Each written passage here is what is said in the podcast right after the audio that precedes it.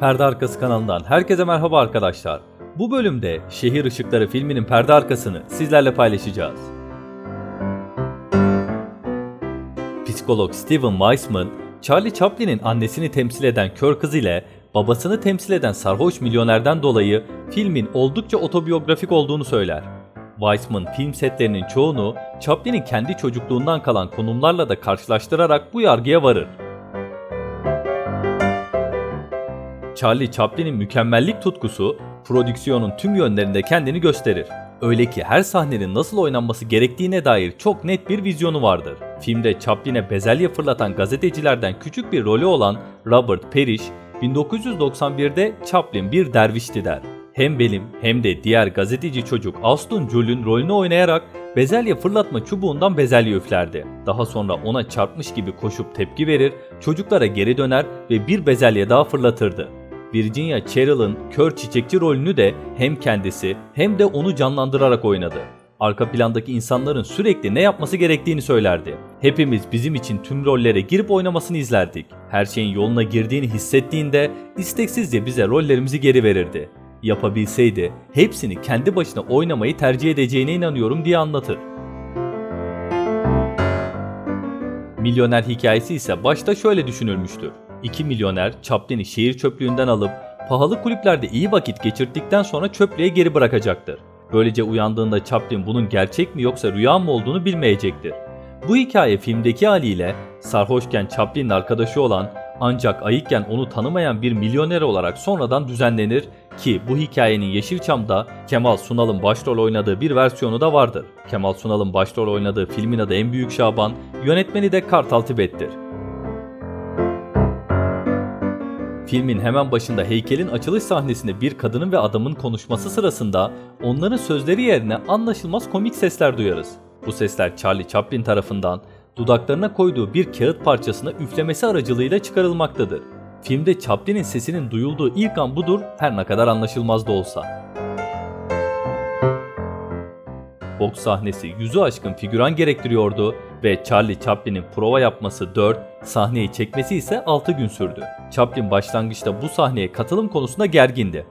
Bu yüzden arkadaşlarını boks sahnesinde figüran olmaya ve izlemeye davet etti. Chaplin'in sahnedeki performansı o kadar komikti ki figüran olabilmek için her gün daha fazla insan geldi ve böylece sahne için yüzden fazla figüran toplanmış oldu. Kör çiçekçi kızın serseri zengin zannettiği sahneyi inandırıcı bir şekilde gösterebilmek için Charlie Chaplin, küçük serserinin kızdan çiçek satın aldığı sahneyi 342 kez çekti. Filmde rol alan oyunculardan sonuncusu 2007 yılında yaşamını kaybeden gazeteci çocuk rolüyle izlediğimiz Ray Erlenborg'dur. 2007 yılı itibariyle filmde yer alan kimse yaşamıyor. Çekimler esnasında Birleşik Krallık eski başbakanı Winston Churchill seti ziyaret etti.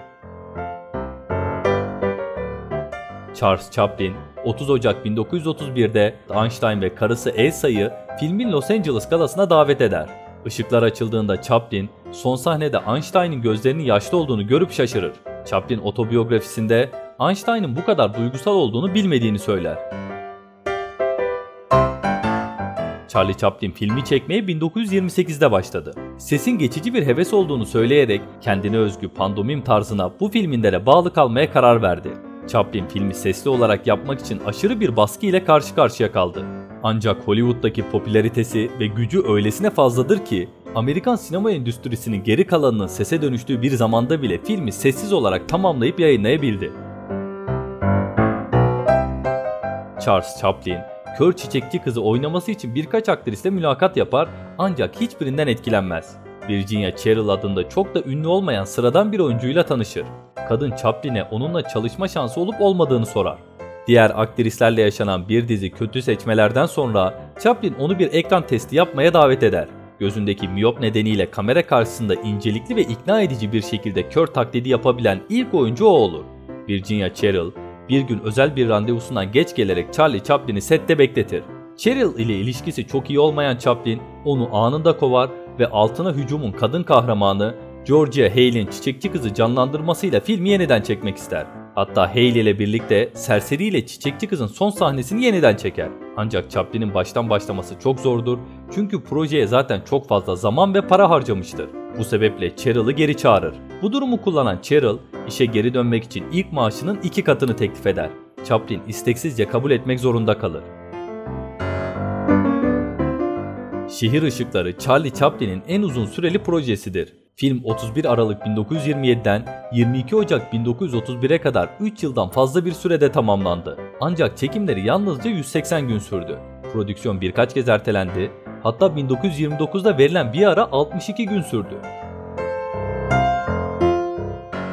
Film 1,5 milyon doları aşarak aşırı derecede pahalıya mal olmuştu. Bunun başlıca sebebi Charlie Chaplin'in sadece 180 gün çekim yapmasına rağmen oyuncu kadrosunu ve ekibini 22 ay boyunca bekletmesidir.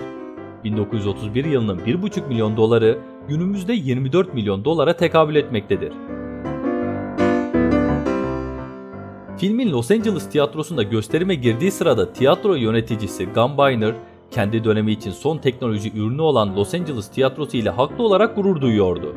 Ne yazık ki bu gururu duyurması korkunç bir zamanlamayla gerçekleşti. Gumbiner filmin yayınlandığı esnada filmi yarısında durdurdu ve bir hoparlörden bu harika komediye devam etmeden önce 5 dakikanızı ayırıp bu güzel ve yeni tiyatronun erdemlerini size göstermek istiyoruz diye bağırır. Bunun üzerine Chaplin çok öfkelenir ve yaşanan bu olay için daha sonra kulaklarıma inanamadım ve adeta delirdim der. Onu öldüreceğim diye bağırarak koltuğundan fırlar ve koridorda koşar.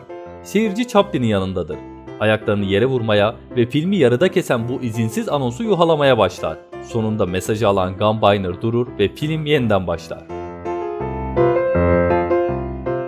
Şehir Işıkları Charlie Chaplin'in yapımları içinde kendi müziklerini bestelediği ilk filmidir. Charlie Chaplin, film sinemalarda gösterilmeden önce Los Angeles şehir merkezinde gizli bir ön izleme gösterimi yaptı. Ne yazık ki seyircilerden çoğu filmin ortasında ayrıldı. Daha sonra Chaplin otobiyografisinde ön izleme sonrası 2 yıllık bir işi ve 2 milyon doları boşa harcamış olma hissiyle oradan ayrıldım dedi. Mükemmelliğe olan takıntısı çoğu zaman insanları çok sinirlendirse de Charlie Chaplin'in çok sevdiği pandomim sanatına kalbini ve ruhunu verdiğine dair hiçbir şüphe yoktur. Bunun için dünyanın en güzel sesine de sahip olsam filmlerimde sessiz kalacağım. Pandomim duyguları kelimelerden çok daha iyi yansıtır.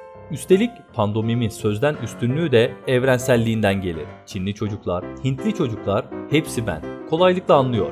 Çince ya da Hintçe bile konuşsam beni bundan daha iyi anlayacaklarını sanmıyorum der. Amerikalı oyuncu, yönetmen, yazar ve yapımcı Orson Welles, Şehir Işıkları'nın en sevdiği film olduğunu söyler. Film Amerikalı ünlü yönetmen Stanley Kubrick'in de en sevdiği filmlerden biridir. Rus yönetmen Tarkovski de Şehir Işıkları'nı en sevdiği filmlerden biri olduğunu açıklamıştı. Amerikalı yönetmen Woody Allen ise filme Chaplin'in en iyi filmi demiştir. Charlie Chaplin de kendi filmleri arasında en çok şehir ışıklarını beğeniyordu. Eğer videolarımızı beğeniyorsanız kanalımıza abone olmayı unutmayın. Ayrıca Facebook, Twitter ve Instagram'dan bizi takip edebilirsiniz. Bir sonraki bölümde görüşünceye dek hoşçakalın.